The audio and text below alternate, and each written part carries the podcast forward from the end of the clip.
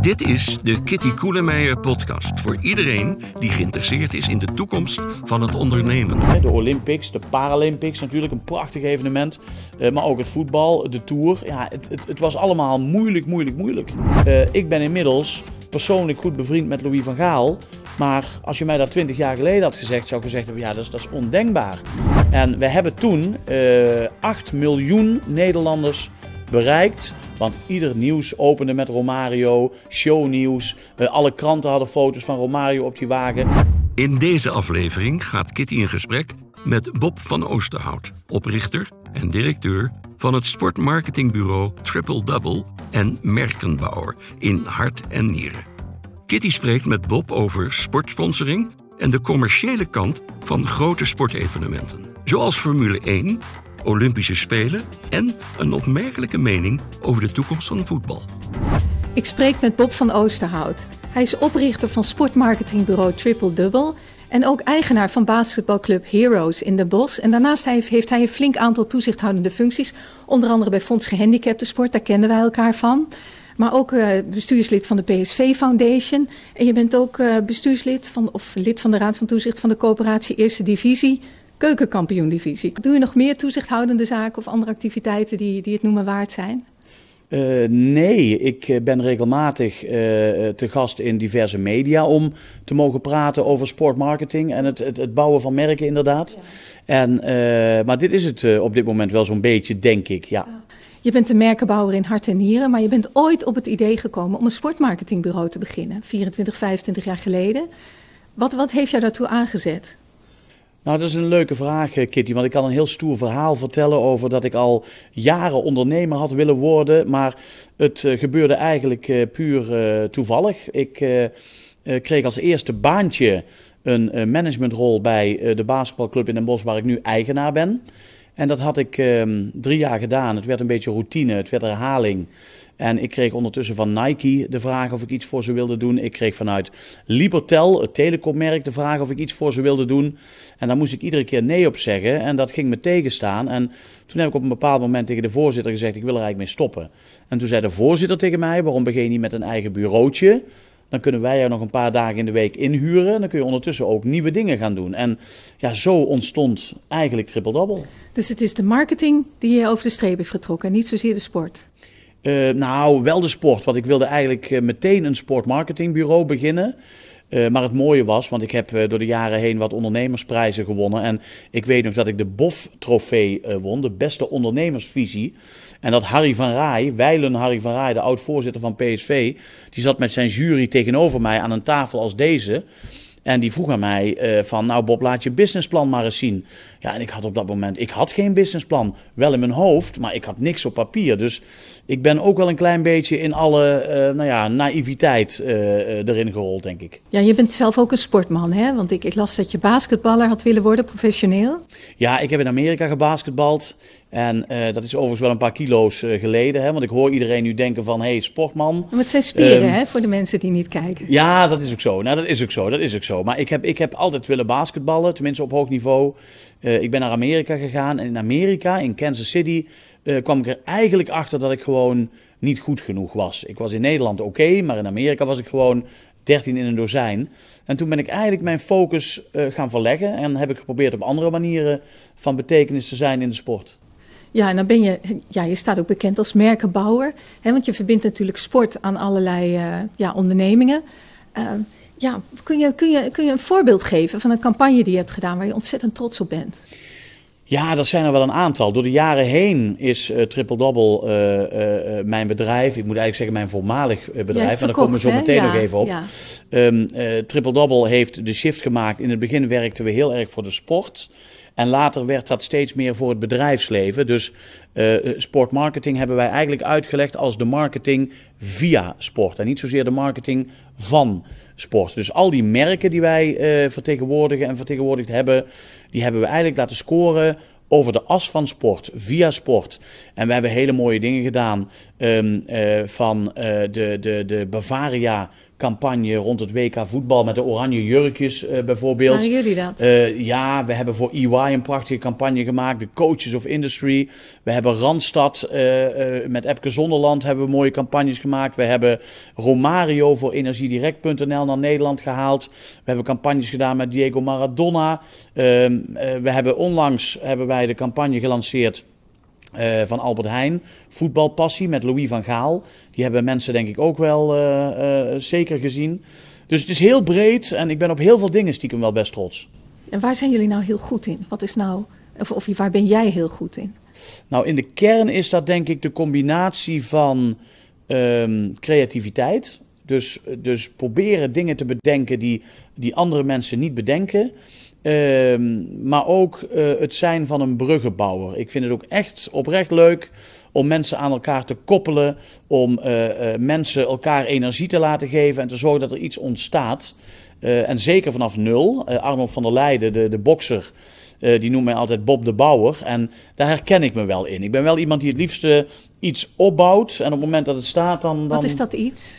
Nou, iets, dat kan een campagne zijn, maar iets dat kan ook, zoals in mijn geval, een, een, een topbasketbalclub in Den Bosch zijn.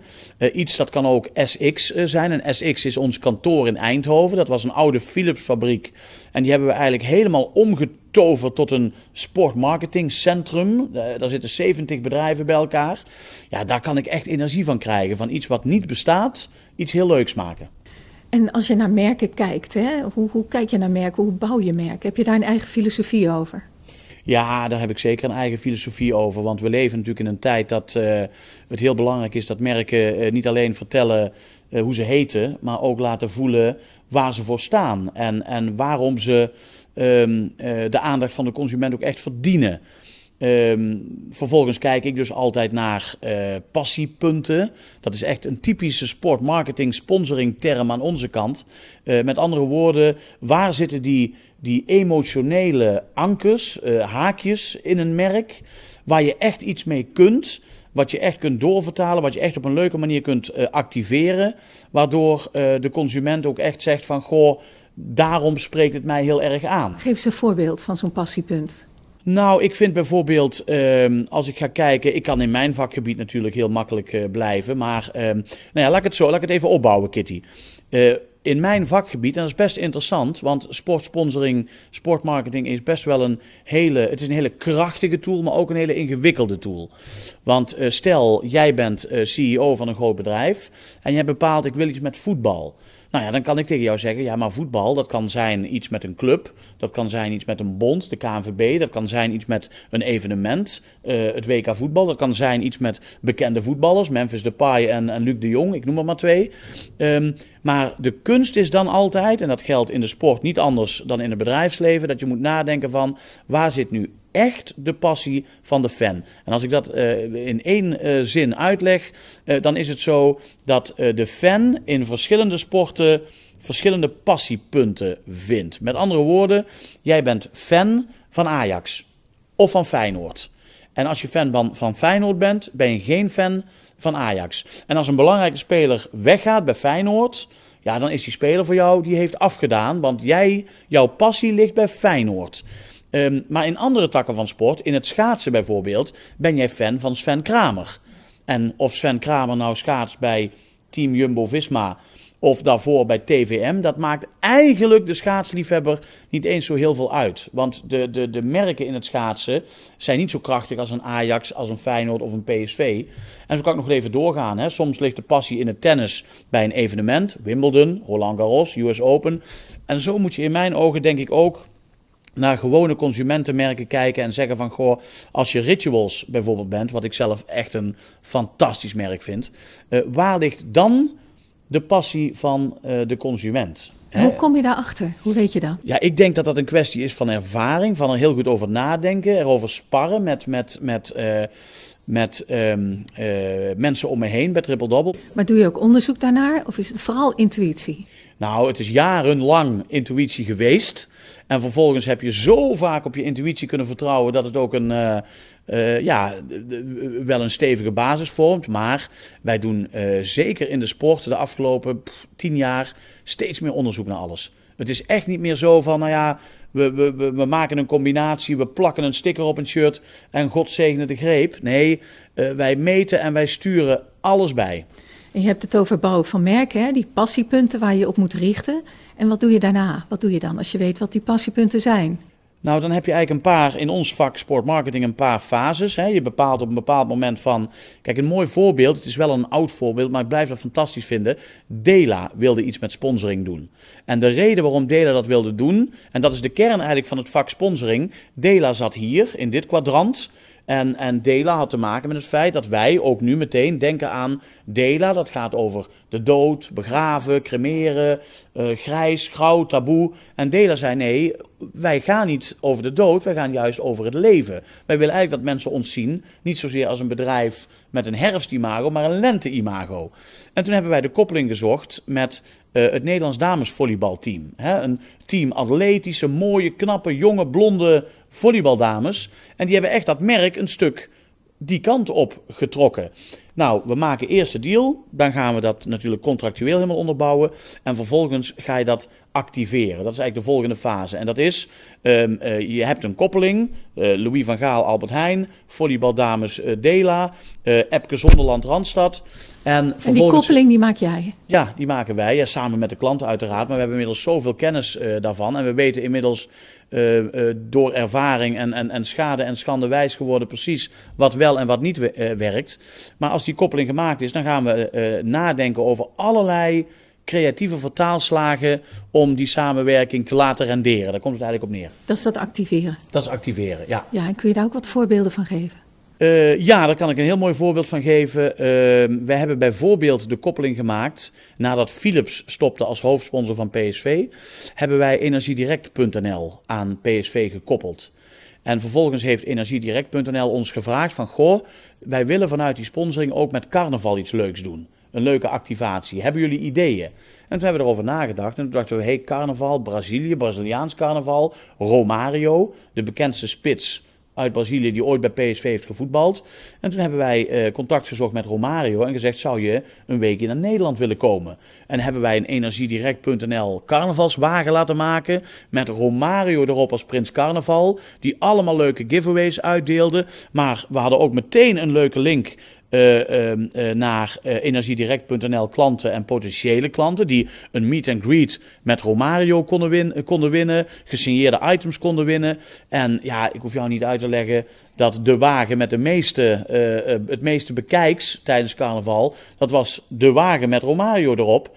En we hebben toen 8 miljoen Nederlanders bereikt. Want ieder nieuws opende met Romario, shownieuws. Uh, alle kranten hadden foto's van Romario op die wagen. Ja, en dat is een typisch voorbeeld van een activatie. Ja, de, de rumor around the brand, ja. hè, wat, je, wat je daarmee uh, vergroot. En dan, en dan ga je meten natuurlijk ook je resultaten. Doen jullie dat ook zelf? Ja, dat doen wij ook uh, zelf. Uh, maar we doen dat ook met, met een van onze belangrijkste partners, Markteffect. Die heel erg actief zijn in sport en sportmarketing. En samen met Markteffect weten we eigenlijk exact na iedere meting de vinger op de juiste plek te leggen. Want dat is ook wel iets wat af en toe een misverstand is over ons vakgebied. Um, uh, men denkt van ja, dat, dat, dat, je sponsort iets, je steekt je geld ergens in en het is maar afwachten wat er uitkomt. Maar als ik dan weer even terugpak op energiedirect.nl PSV. Ja, wij hadden drie mensen binnen Triple Double, die waren fulltime bezig aan de hand van verschillende dashboards om dit partnership, energiedirect.nl PSV, om dat te monitoren op het gebied van retentie, reputatie, sales, uh, op allerlei manieren. En dat kan natuurlijk tegenwoordig in een digitale wereld. Uh, dus daar zijn we, meten is tegenwoordig wel echt heel belangrijk. Oké, okay, en, en heb je de sportwereld zien veranderen de afgelopen decennia? Ja, heel erg. Het heeft natuurlijk ook gevolgen voor wat jullie doen. Ja, enorm. Uh, de sportwereld, eigenlijk in een nutshell zou ik kunnen zeggen, de sportwereld is intelligent uh, geworden door de, de, digitalisering van de wereld. Want ik weet nog wel dat, ja, vroeger was het zo, en, en dan klink ik heel oud als ik zeg vroeger, maar toen ik begon 25 jaar geleden, ja, als wij niet op televisie waren met iets wat ik deed, ja, dan, dan hield het op. Want er was geen internet, dan had je geen zichtbaarheid. En inmiddels kun je je eigen zichtbaarheid gewoon helemaal creëren. Op het moment dat jij een partnership bouwt wat echt tot de verbeelding spreekt, ja, dan kun je dat natuurlijk via alle social tools die jou ter beschikking staan, kun je dat echt werkelijk een bereik geven van, van miljoenen mensen. En die digitalisering die maakt dat ons vak intelligenter is geworden. Dat wij ook veel makkelijker, eh, makkelijker tegen klanten kunnen zeggen van kijk eens, dit is het effect. Dus iedere euro levert jullie 11,40 euro op. En, en dat maakt onze onderhandelingspositie natuurlijk een heel stuk beter. Ja, en, en zijn bedrijven anders naar sport gaan kijken? Is de sport zelf anders naar commercie gaan kijken? Ja, dat, eh, dat denk ik wel. Want ehm, eh, A, er is eigenlijk bijna geen serieus zichzelf respecterend groot bedrijf op deze planeet dat niet stiekem iets uh, substantieels met sport doet. Je ziet dat ook in Nederland natuurlijk. Hè. Eigenlijk alle grote merken doen wel wat met sport. En, en onderkennen de emotie die sport in zich heeft. En die ze kunnen gebruiken om uh, bepaalde marketingdoelen te bereiken. Um, en daarnaast is het zo dat, dat COVID, de hele situatie van uh, de afgelopen anderhalf jaar heeft ertoe geleid. Ja, ik, ik weet niet hoe het bij jou uh, is, Kitty. Eh, kijk, ik ben natuurlijk wat kilo's te zwaar. En ik ben in die periode, en ik denk net als ieder mens, gaan nadenken van... hé, hey, je eigen gezondheid is kennelijk toch echt wel een belangrijk dingetje. Dus ik ben meer gaan wandelen. Ik ben gaan nadenken over wat ik, uh, wat ik at. En uh, je ziet dat uh, sport veel hoger is gekomen op de, op de, op de agenda van, van organisaties, bedrijven, maar ook ja, mensen, particulieren. En daar is natuurlijk, daar, ja, daar heeft ons vak profijt van. Want steeds meer bedrijven willen daarom iets met sport. Ja, dus dan, dan ga je eigenlijk van het domein, hè, de sport, ga je eigenlijk naar health. Ja, eigenlijk naar zeg je dat heel mooi. Want, want toen ik begon met dit vak, toen ging sport, dat ging over topsport, punt. Dat ging over Ajax 1 en, en daaromheen leuke dingen doen. En dat was wel, dat was sportmarketing. Maar tegenwoordig zie je eigenlijk dat bedrijven zeggen van nee, wij willen, wij willen campagnes maken over de as van vitaliteit, gezonde voeding, bewegen, uh, dat soort zaken allemaal goed in je vel zitten. Uh, kijk naar de campagne van Albert Heijn, voetbalpassie. die gaat in de kern over amateurclubs helpen door deze moeilijke tijd heen te komen, maar ook jeugd aan het bewegen krijgen, jeugd aan de gezonde voeding eh, krijgen. En daar heb je dan een stukje Louis van Gaal bij nodig om dat nog meer boven het maaiveld uit te krijgen.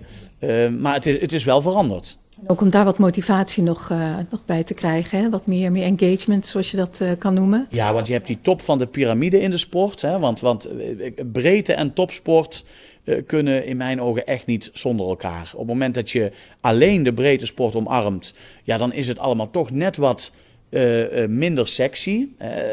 alleen de topsport kan ook niet, want je wil ook gewoon een breed effect sorteren. Dus die combinatie, hè, iets doen met het amateurvoetbal, maar wel de bondscoach erbij betrekken, ja, dat werkt. En jij zegt het is vooral emotie. Want je zegt, ik koppel die emotie die sport losmaakt aan een merk.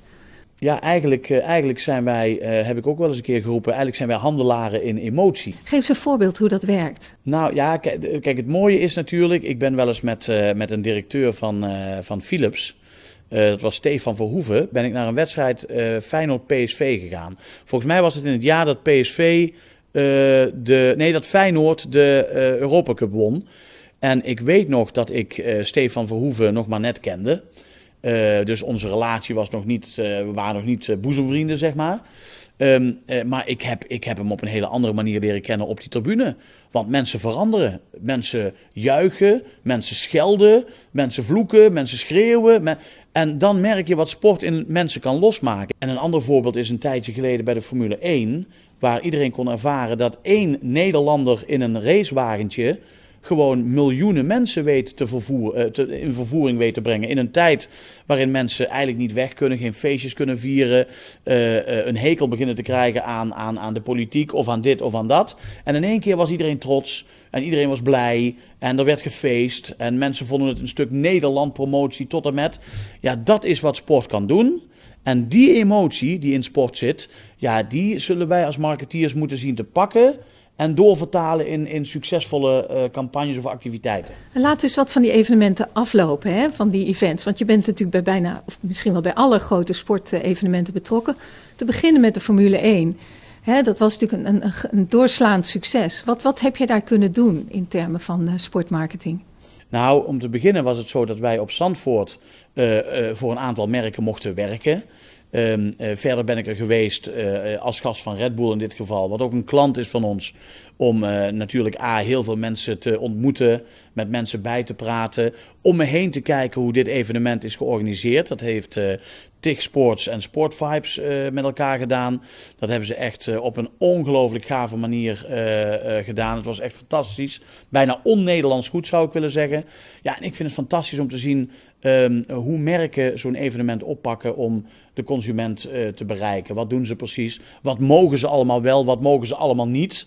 Want het is natuurlijk heel, het is een hele dunne scheidslijn. Wat mogen ze wel en, en juist, wat mogen ze juist niet? Nou ja, je hebt natuurlijk men, merken die zijn, die zijn Ehm, eh, betrokken, verbonden aan het evenement Zandvoort. Maar als je betrokken bent bij het evenement Zandvoort, je sponsort dat evenement, die Grand Prix, ja, dan ben je niet een sponsor van de Formule 1. Uh, eh, je bent een, een, sponsor van dat evenement. Je hebt ook partijen die zijn sponsor van, de, van het circuit Zandvoort. Maar daarmee ben je niet een sponsor van het evenement, al helemaal niet van de Formule 1 uh, eh, in algemene zin. Laat staan dat je officieel betrokken bent bij Max. Uh, terwijl je eigenlijk wel een klein beetje die associatie graag aan zou willen gaan met het Max Verstappen. Dus het, het, het luistert soms heel erg nauw wat een merk wel en niet mag doen. En die, die sponsordeals, hoe worden die gesloten? Zijn dat, hè, doet dat circuit het zelf of zijn het organisaties die, die dat allemaal uh, doen? Ja, over het algemeen op dat niveau zijn het uh, heel vaak grote internationale marketingbureaus die uh, de commerciële rechten hebben gekocht en die proberen te vermarkten. En als een soort van vooruitgeschoven post voor zo'n partij werken. Dat geldt zo voor de Formule 1, maar ook voor heel veel grote Europese en internationale sportbonden. Uh, het circuit Zandvoort heeft het denk ik zelf gedaan. En Max Verstappen bijvoorbeeld heeft een eigen management. Ja. Raymond Vermeulen is daar de belangrijkste persoon. En die, ja, die, die zit ook zelf aan de lopende band in boardrooms om te praten met CEO's van grote bedrijven over een samenwerking met Max. En een idee te geven van de orde van grootte van de bedragen waar het om gaat. Hè? Sponsoring van het circuit, sponsoring van de Formule 1, sponsoring van het Zandvoort Event, even los van Max Verstappen nog? Mm Nou, dan ben ik geneigd om te zeggen dat begint op uh, eh, 1 miljoen plus. Um, sponsoring van het circuit, dat zal denk ik uh, ongeveer, uh, nou ja, dat begint op 5 ton, schat ik ongeveer in. sponsoring van Max Verstappen, dat gaat tegenwoordig over miljoenen. Um, uh, sponsoring van Formule 1. Het gaat ook over vele miljoenen. Maar dan, dan is het voor, is het voor één, uh, één race of sponsor je Formule 1 dan gelijk voor het hele seizoen? Nee, dan, ja, dat hangt een klein beetje van je pakket af. Ik weet dat bijvoorbeeld Heineken heeft een aantal verschillende Grand Prix waar ze bij betrokken zijn, verspreid over het kalenderjaar. maar dat gaat ook over vele miljoenen. maar ja, je moet het ook zo zien, Kitty, dat het is hetzelfde als een advertentie in de Telegraaf, dat betaal je natuurlijk meer voor dan in het Gemerts Nieuwsblad. Uh, want het bereik is heel anders. En, en dat, dat moet je ook zien bij het sponsoren van Max Verstappen. Uh, kijk even naar het aantal mensen dat, dat hem volgt en dat, dat hem adoreert. Ja, daarmee heb je echt een high performance symbool te pakken, zoals wij het in ons vak zeggen. En daar, daar hoort ook een bepaald prijskaartje En als je dat nou vergelijkt met bijvoorbeeld een WK, hè? daar heb je natuurlijk ook voetbalclubs, je hebt spelers die gesponsord worden. Lijkt dat daar sterk op, op, op uh, Formule 1, of zitten er echt essentiële verschillen in? Nee, daar zitten toch wel essentiële verschillen in, omdat uh, voetbal een, een teamsport is. Dus je ziet wat minder vaak uh, bedrijven die een individuele voetballer sponsoren. Uh, dat zijn over het algemeen uh, met name de kledingmerken die dat wel doen. Hè? Adidas, Nike, Puma, die doen dat wel. Maar over het algemeen uh, gaat het meer over het sponsoren van landenteams en het sponsoren van een WK voetbal zelf. Um, overigens heb je daar ook gezien, dat vond ik ook wel heel interessant, een interessante ontwikkeling van de afgelopen paar jaar. Uh, dat je steeds uh, minder de geëikte bedrijven rond dat voetbalveld ziet staan. Je zag in één keer Chinese partijen, je zag Russische partijen. Uh, dus, dus je ziet dat de mondiale rijkwijde van zo'n groot evenement wordt steeds beter benut. Door Heeft dat allerlei... te maken met, de, met de populariteit van voetbal in dat soort landen? Of zijn de prijzen zo hoog dat alleen ja, grote ondernemingen uit die landen het kunnen betalen. Ja, het is een combinatie. Je ziet inderdaad dat er merken zijn die, uh, die um, uh, heel veel garen spinnen bij het populariseren van het voetbal op dat moment in die fase in hun land. Maar wat je inderdaad ook ziet is, uh, het WK voetbal heeft zo'n enorme mondiale, zo'n enorm mondiaal bereik dat het alleen maar de bedrijven zijn die daar ook A, baat bij hebben en B, de budgetten hebben om daarop in te stappen. Dus dat maakt het wel echt heel interessant. Heb je nog uh, campagnes, uh, projecten gedaan voor het WK voetbal? Um, ja, we hebben uh, een campagne gedaan. Um, dat, de, de, het heette de Equal Game campagne voor UEFA. En dat ging eigenlijk heel erg over equality in het voetbal. Want voetbal is natuurlijk een, een prachtige melting pot van culturen en, en, en geloofsovertuigingen, huidskleuren. En UEFA wilde eigenlijk laten zien van, goh, wij willen op zo'n groot evenement, willen wij echt op een hele juiste manier laten zien dat wij diversiteit heel belangrijk vinden. En dat wij alles en iedereen accepteren. En, uh, dus da daar hebben wij een prachtige klus uh, aan gehad. Uh, we hebben verder voor een aantal mensen, voor een aantal merken in Nederland wat geactiveerd. Maar ik moet er ook eerlijk bij zeggen, het is voor mij eigenlijk een hele rare sportzomer geweest. Want ik heb de afgelopen zeven Olympische Spelen ben ik er zelf bij geweest. En heb ik alle sport gezien. En heb ik in dat Holland Heinekenhuis rondgelopen. En heb ik deals gemaakt. En heb ik voor klanten uh, zaken gecoördineerd. En ja, nu deze zomer zit je in één keer voor de eerste keer gewoon thuis op de bank. Zandvoort, daar was ik bij. Maar alle andere dingen, de Olympics, de Paralympics, natuurlijk een prachtig evenement. Uh, maar ook het voetbal, de Tour. Ja, het, het, het was allemaal moeilijk, moeilijk, moeilijk. Hoe kijk je naar een actie als van Colin Kaepernick? Hè? Het knielen op het veld, Amerika voetbal. Ja. Er zijn documentaires over gemaakt. Ja, dat is een hele, een heeft hele... hij dat, heeft hij, een van de vragen waar ik wel eens uh, over hoor is: heeft hij dat nou spontaan gedaan of was dat een beredeneerde actie in, in samenwerking met bijvoorbeeld Nike? Of is het echt volgtijdelijk gegaan? Nee, ik denk dat uh, ik, ik kan me bijna niet voorstellen dat Nike dit zou hebben uh, aangemoedigd. Want in de kern weten alle serieuze merken dat dit soort zaken, die moeten echt vanuit het hart van een atleet komen. Die moeten authentiek zijn. er zijn voorbeelden te over ook van atleten die op een gegeven moment iets uh, vinden. Of nee, ik moet het anders zeggen. Die bijvoorbeeld door een bepaald merk ondersteund worden. En vervolgens uh, kom je er een maand later achter dat ze dat merk nooit zullen gebruiken. Of dat ze juist in een hele andere auto rijden dan die ze propageren. Ja, dat is niet, of die ze promoten. Ja, dat is niet wat het moet zijn. Dus ik denk echt wel dat het bij uh, Colin Kaepernick echt uit zichzelf komt. En het is wel een trend die je wereldwijd ziet uh, ontstaan. Eigenlijk al een, een, trend van een jaar of vijf geleden. De grote topatleten die worden steeds machtiger. Uh, die hebben inmiddels een groter bereik dan uh, de Wall Street Journal of CNN. ze bereiken gewoon miljoenen mensen.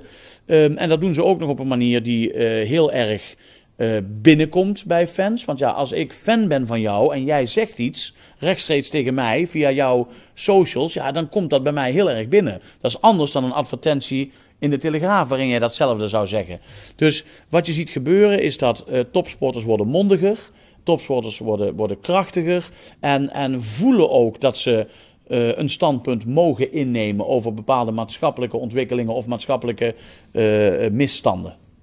Ja, en, en de carrières van topsporters zijn soms kort, hè? want we onthouden natuurlijk alleen de echte groten die dat vele jaren volhouden. Hoe belangrijk, is dat, dat je, hoe belangrijk is het dat je als sporter ook dat, dat, dat social media spel snapt? Of worden ze daarbij geholpen? Want het, het grijpt natuurlijk in elkaar. Je populariteit verhoogt ook je waarde voor een club. Ja. En je waarde ook, voor sponsors. Ja, precies, je waarde voor sponsors. Want um, wat je eigenlijk ziet gebeuren is dat uh, de consument is natuurlijk het meest enthousiast over uitgesproken mensen. In algemene zin. Dus ook buiten de sport. Je vindt het leuk om, om uh, uh, betrokken te zijn bij iemand ja, die echt die echt uh, karakter heeft, die profiel heeft. En we hebben natuurlijk voldoende, meer dan voldoende sporters.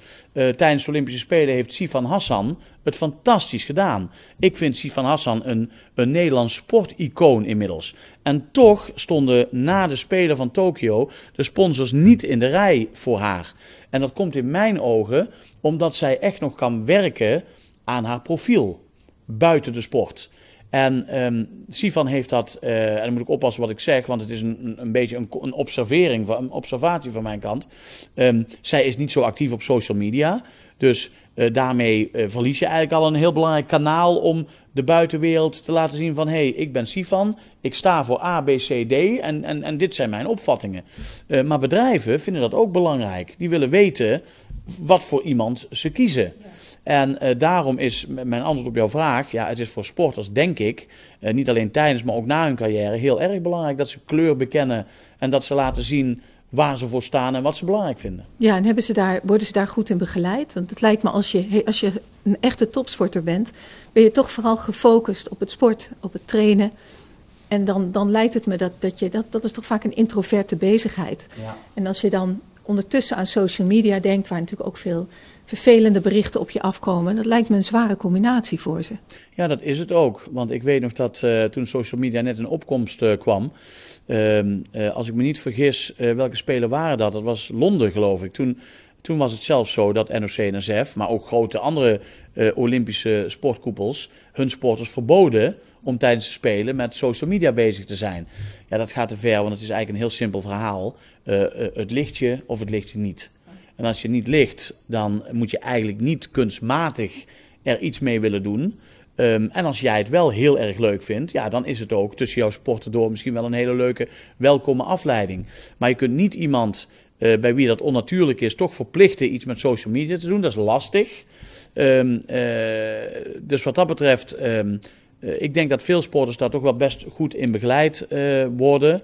Um, maar dat begeleiding daarin ook wel ja, tot op zekere hoogte reikt. Want ik zeg al, je kunt het sporters niet verplichten. Het moet echt vanuit de sporter zelf komen. Want dan is het authentiek en dan heeft het waarde. En hebben jullie nog leuke dingen gedaan, leuke campagnes tijdens de Olympische Spelen ook? Uh, of richt je je dan op bepaalde sporten? Of, of, ben je gewoon in de breedte ook actief? Ja, het is, het is uh, hoe raar het ook klinkt, het is soms ook een beetje pech of geluk. Uh, ik weet nog dat ooit iemand aan mij vroeg: waarom doen jullie eigenlijk niks in het schaatsen? En toen dacht ik bij mezelf: ja, dat is niet een bewuste keuze of zo. Dat is, dat, het is gewoon nooit zo ontstaan. En grappig genoeg, een half jaar later uh, begeleiden we Ascent internationaal in schaatsen. Hadden we met Team Liga, met Marianne Timmer, een eigen schaatsploeg. En begeleiden we Team Brand Loyalty, ook een eigen schaatsploeg. Waar nu Jumbo Visma eigenlijk uit ontstaan is door de jaren heen. Um, en zo geldt dat ook uh, rondom de Olympische Spelen. Want ik weet nog dat een aantal jaar geleden, toen begeleiden we EY, toen begeleiden we Randstad, we deden dingen voor Essex, als ik me niet vergis. dat was heel breed. En nu hebben we vooral missie H2O begeleid. Dat is een heel mooi verhaal. Dat is een consortium van bedrijven die eigenlijk watersport propageren. Alle toepassingen van watersport promoten. En die hebben zich aangesloten bij NOC-NSF. Om eigenlijk via de Nederlandse sport de wereld de boodschap te, te, te, vertellen van... Goh, kijk eens, waterstof is de toekomst. En dat hebben wij helemaal geactiveerd rondom de Spelen, wat heel erg leuk was. Mooi. En, en de Paralympische Spelen, ben je daar ook bij betrokken? Ja, daar moet ik even heel goed uh, bij nadenken nu. Of wij daar op kantoor nog wat dingen. Ja, ongetwijfeld. Ongetwijfeld. Maar ik kan hem gewoon uh, in, alle, uh, in alle hectiek op dit moment even niet zo noemen. Maar... Vind je dat daar genoeg aandacht voor is? Denk je dat het, dat het vanuit je marketingperspectief genoeg gedaan wordt met die Paralympische Spelen? Nee, daar wordt, niet genoeg, daar wordt niet genoeg mee gedaan. Maar het gaat wel steeds beter. Ik weet nog dat ik in Londen was. En Londen was een kantelpunt. 2012 was een kantelpunt voor de uh, Paralympische sport, voor de gehandicapte sport. Uh, waarom? Omdat uh, Londen voor de allereerste keer gewoon echt de Paralympics neerzette als waren het de normale Olympics, zeg ik even. En de sporters als helden neerzetten. En ik weet nog dat ik met twee belangrijke Paralympische sporters stond ik bij een verkeerslicht in Londen, een zebrapad. En we staken over en er stond een heel klein mannetje met zijn moeder naast ons. En die zag de bleed van Malou van Rijn en van Roland Hertog. En uh, ik weet nog wel dat, dat tien jaar geleden zou zo'n mannetje gezegd hebben van... Wat is dat, mama? En nu was het zo dat dat mannetje keek en zei van... Ma, look, look at that, cool. Ze vond het cool, want uh, dat jochie, ik had het daarna gevraagd... had toevallig net die hele week daarvoor uh, Paralympische atletiek op tv gezien. En die had die Blades in actie gezien. En zag nu in één keer zo'n atleet. Dus Londen heeft heel veel gedaan voor de, voor de bewustwording en voor de acceptatie van uh, Paralympische sport. En wat ik heel mooi vind, ik heb de foto gewoon bewaard, uh, Kitty, in mijn telefoon. Um, iemand, goh, wie was het ook alweer? Iemand heeft na de Paralympics van Londen geroepen van um, de London Olympics, de regular Olympics. They were, uh, were great, but the Paralympics were extraordinary. Um, uh, vanwege de prachtige verhalen eromheen. De, de Paralympische atleten die hebben vaak nog mooiere verhalen rondom hun medailles en rondom ja, hoe ze hebben moeten knokken om te bereiken wat ze bereikt hebben. Of wat er ooit gebeurd is in hun leven en hoe ze met uh, zo'n handicap uiteindelijk zijn omgegaan. En, en ja, dat, dat, dat heeft zoveel gedaan voor die sport. En, en dat vind ik wel als marketeer iets om mijn vingers bij af te likken. Maar sinds 2012, wat is er gebeurd dan met de, met de gehandicapte sport hè, op de Olympische Spelen? Nou, wat je ziet is dat er eh, veel meer bedrijven bij zijn gekomen die uh, gehandicapte sport, Paralympische sport ondersteunen. Uh, die individuele sporters omarmen.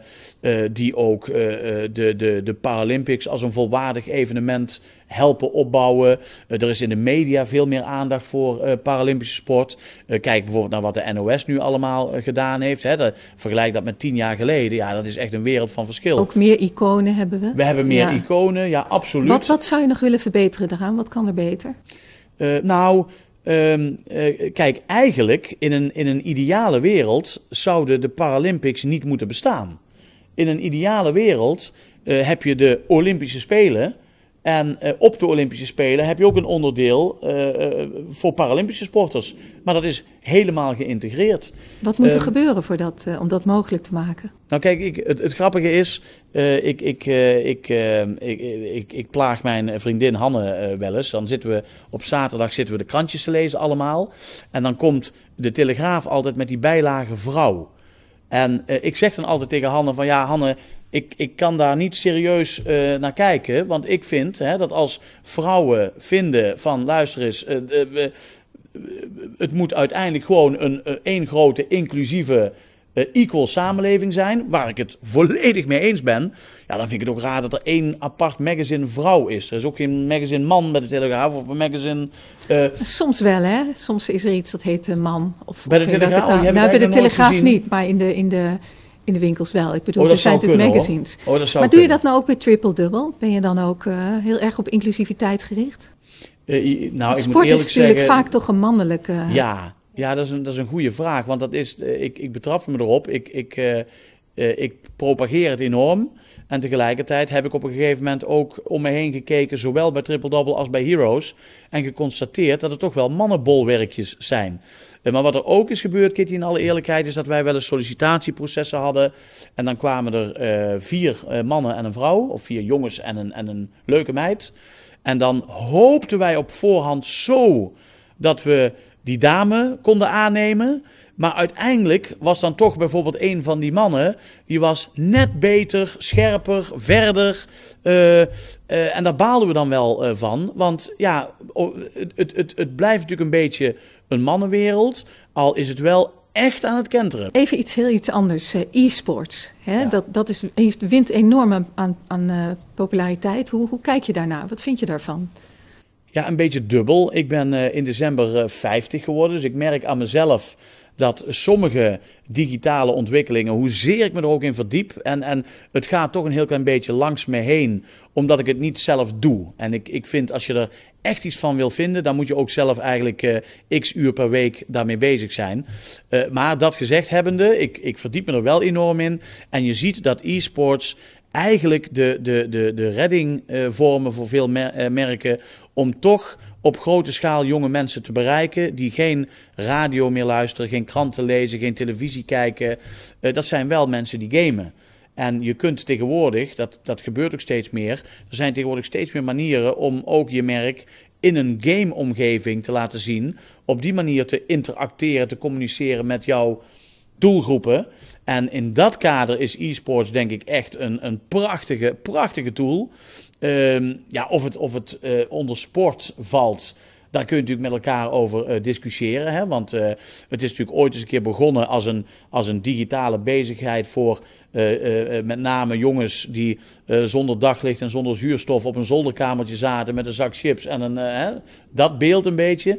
Maar dat is natuurlijk wel aan het veranderen. Dat zie je overigens ook bij darts, weer een hele andere tak van sport. Dat al die sporten die steeds serieuzer worden, groter worden, waar meer geld in omgaat, ja, daar zie je ook steeds meer fitte, scherpe, goed getrainde uh, mensen die daarmee bezig zijn. Dat dus... uren moet gamen met een ra razendsnelle reactie. Ja, dat is ongekend. En dat, is, uh, dat, dat, dat stelt natuurlijk enorm je concentratievermogen en ook je lichamelijke fitheid op de proef. Hè? Dus, dus dat kan ook niet meer als je niet fit bent. Nee. Helemaal gelijk in. Nee.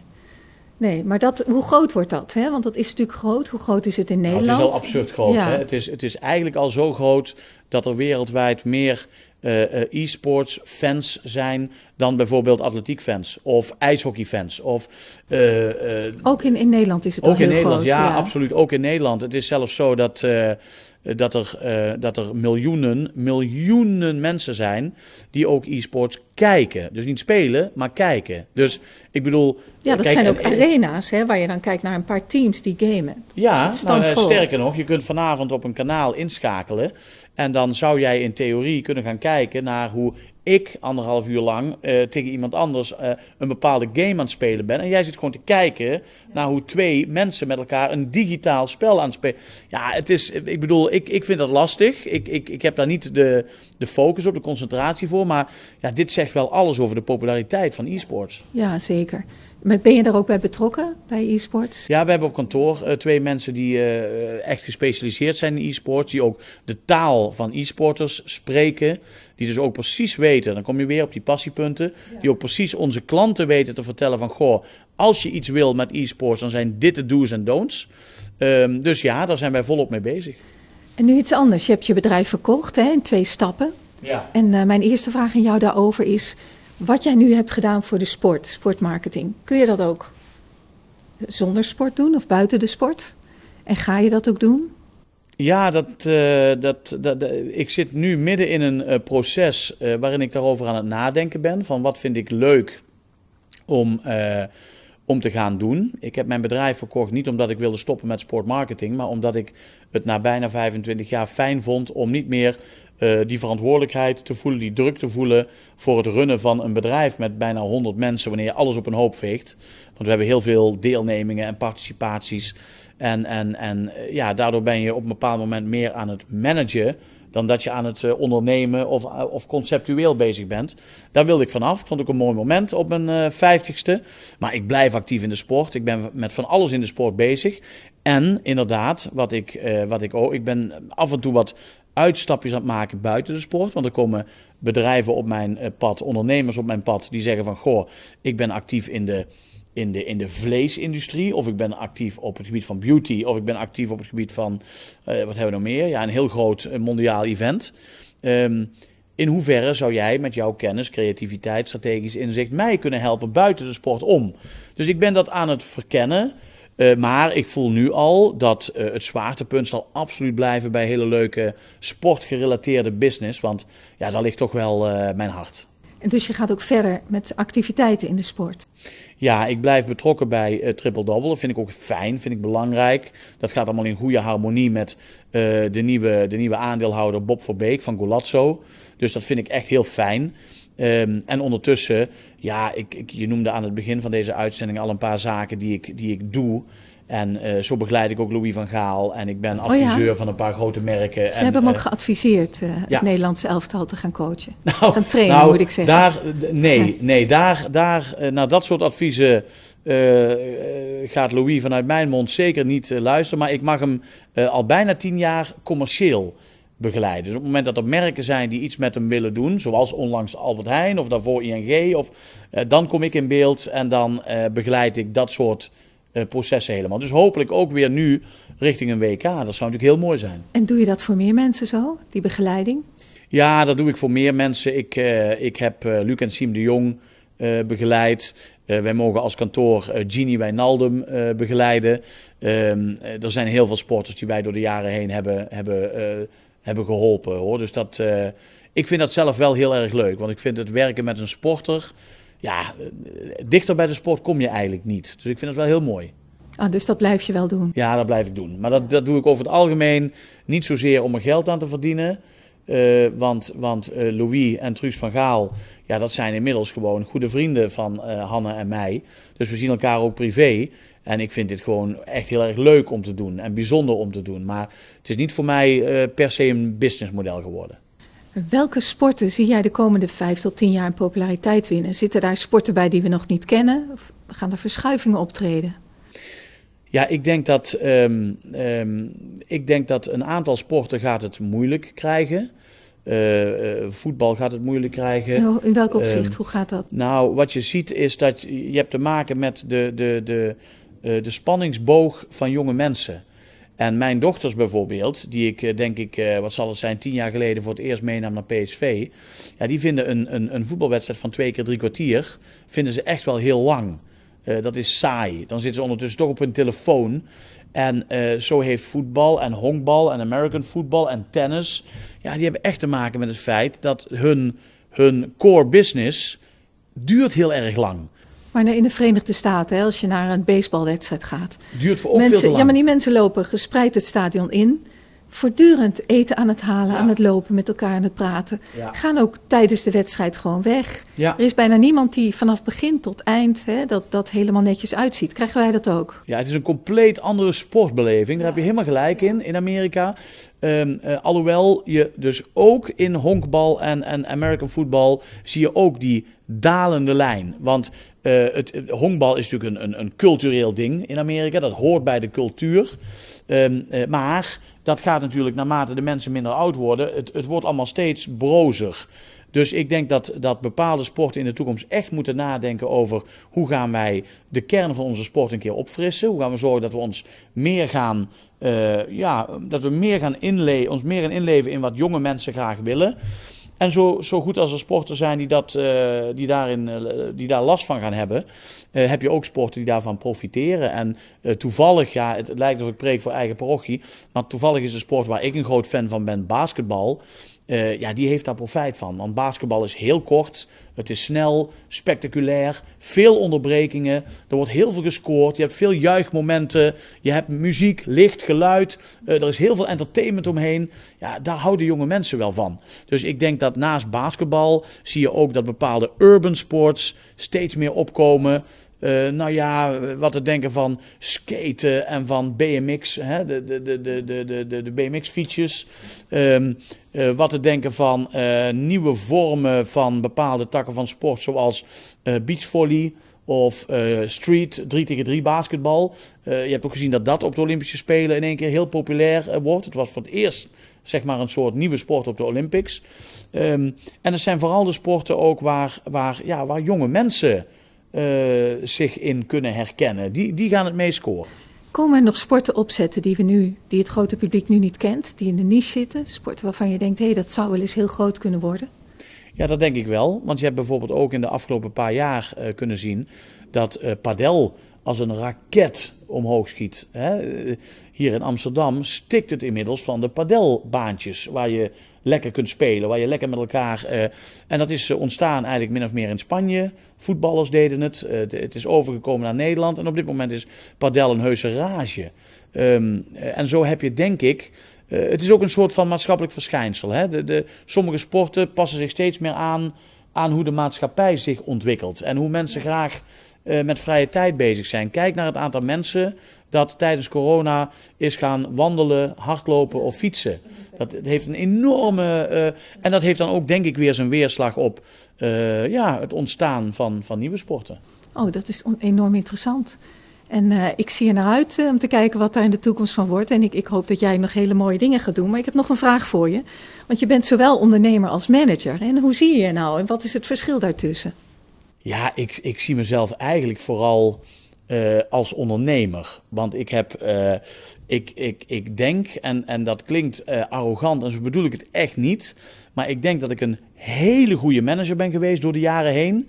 Maar puur op onderbuikgevoel, puur op vingerspitsengevoel. Hoe denk ik dat je mensen in hun kracht kunt zetten? Hoe denk ik dat je mensen kunt laten excelleren? Hoe ga je om met klanten? Ik heb dat echt puur op gevoel gedaan. Ton Boot, de basketbalcoach, heeft mij ooit een keer onbewust competent uh, genoemd. Dat was toen een groot voordeel. En door de jaren heen heb ik geprobeerd dat onbewuste steeds meer om te draaien in bewust. Maar ik zie mezelf uiteindelijk toch vooral als een ondernemer. Ik ben iemand die het liefste uh, nieuwe dingen bedenkt, oppakt, ze doorontwikkelt. Um, maar tegelijkertijd daarin ook veel management skills opdoet. En die weer probeert te delen met, met de mensen om me heen in de organisaties waar ik mee mag werken. Dus is een beetje een ingewikkeld antwoord, denk ik. Hè? Nou, dat is een goed antwoord. En welk, welk advies heb je aan jonge managers en ondernemers? In uh, deze tijd, hè, met wat er nu aan de gang is allemaal. Ja, nou ja, ik moet zeggen, ik heb wel heel veel geleerd de afgelopen jaren. Ook nu uh, met de verkoop van Triple Double. Um, heel veel geleerd. Ik vond mezelf vroeger altijd veel te belangrijk. Ik, ik was misschien ook wel heel belangrijk in Triple Double, maar ik vond mezelf ook uh, belangrijk. En inmiddels kom ik wel achter dat de kern van managen is eigenlijk dat je mensen in hun kracht zet. Dat je mensen faciliteert, dat je mensen helpt. Uh, dat je jezelf compleet ondergeschikt uh, maakt. Uh, dat je niet te directief bezig bent. Ehm, dat je continu met mensen ook de dialoog aangaat over waar word jij binnen deze organisatie gelukkig van. Want hoe gelukkiger een van jouw medewerkers is, hoe beter hij of zij functioneert. En uh, ja, hoe langer hij of zij bij je is, daar komt het eigenlijk op neer. Dus, dus daar heb ik heel veel uh, van geleerd. En als ondernemer zeg ik van, goh, ja, het zijn misschien wat open deuren, maar ze zijn wel echt heel belangrijk. Um, uh, geef nooit op. Ga op je doelen af, ook al, ook al lijkt het dat ze onbereikbaar zijn. ik ben inmiddels persoonlijk goed bevriend met Louis van Gaal. Maar als je mij dat twintig jaar geleden had gezegd, zou ik gezegd hebben: ja, dat is, dat is ondenkbaar. Maar door gewoon een band op te bouwen met Louis en, en ooit een keer op hem af te zijn gestapt, um, ben ik nu goed bevriend uh, met hem. En dat heb ik ook zo met Peter Post ooit gedaan. Dat heb ik gedaan met bijna al onze klanten. Dus ga op je doel af. Luister naar je hart. De dingen die echt belangrijk voor jou zijn. En zoals de Amerikanen zouden zeggen: never, ever, ever, ever give up. Dat is duidelijk. Dankjewel, Bob van Oosterhout. Ik ben heel benieuwd naar uh, wat voor, voor mooie dingen je allemaal gaat doen. En Dankjewel voor je komst hier. Graag gedaan. We nemen petit four. Oh, lekker. Een mooie gekleurde. Ja, een roze. ja, neem ik, er zijn er twee, dus ik neem ook een roze. Ja. dit was de Kitty Koelemeijer podcast.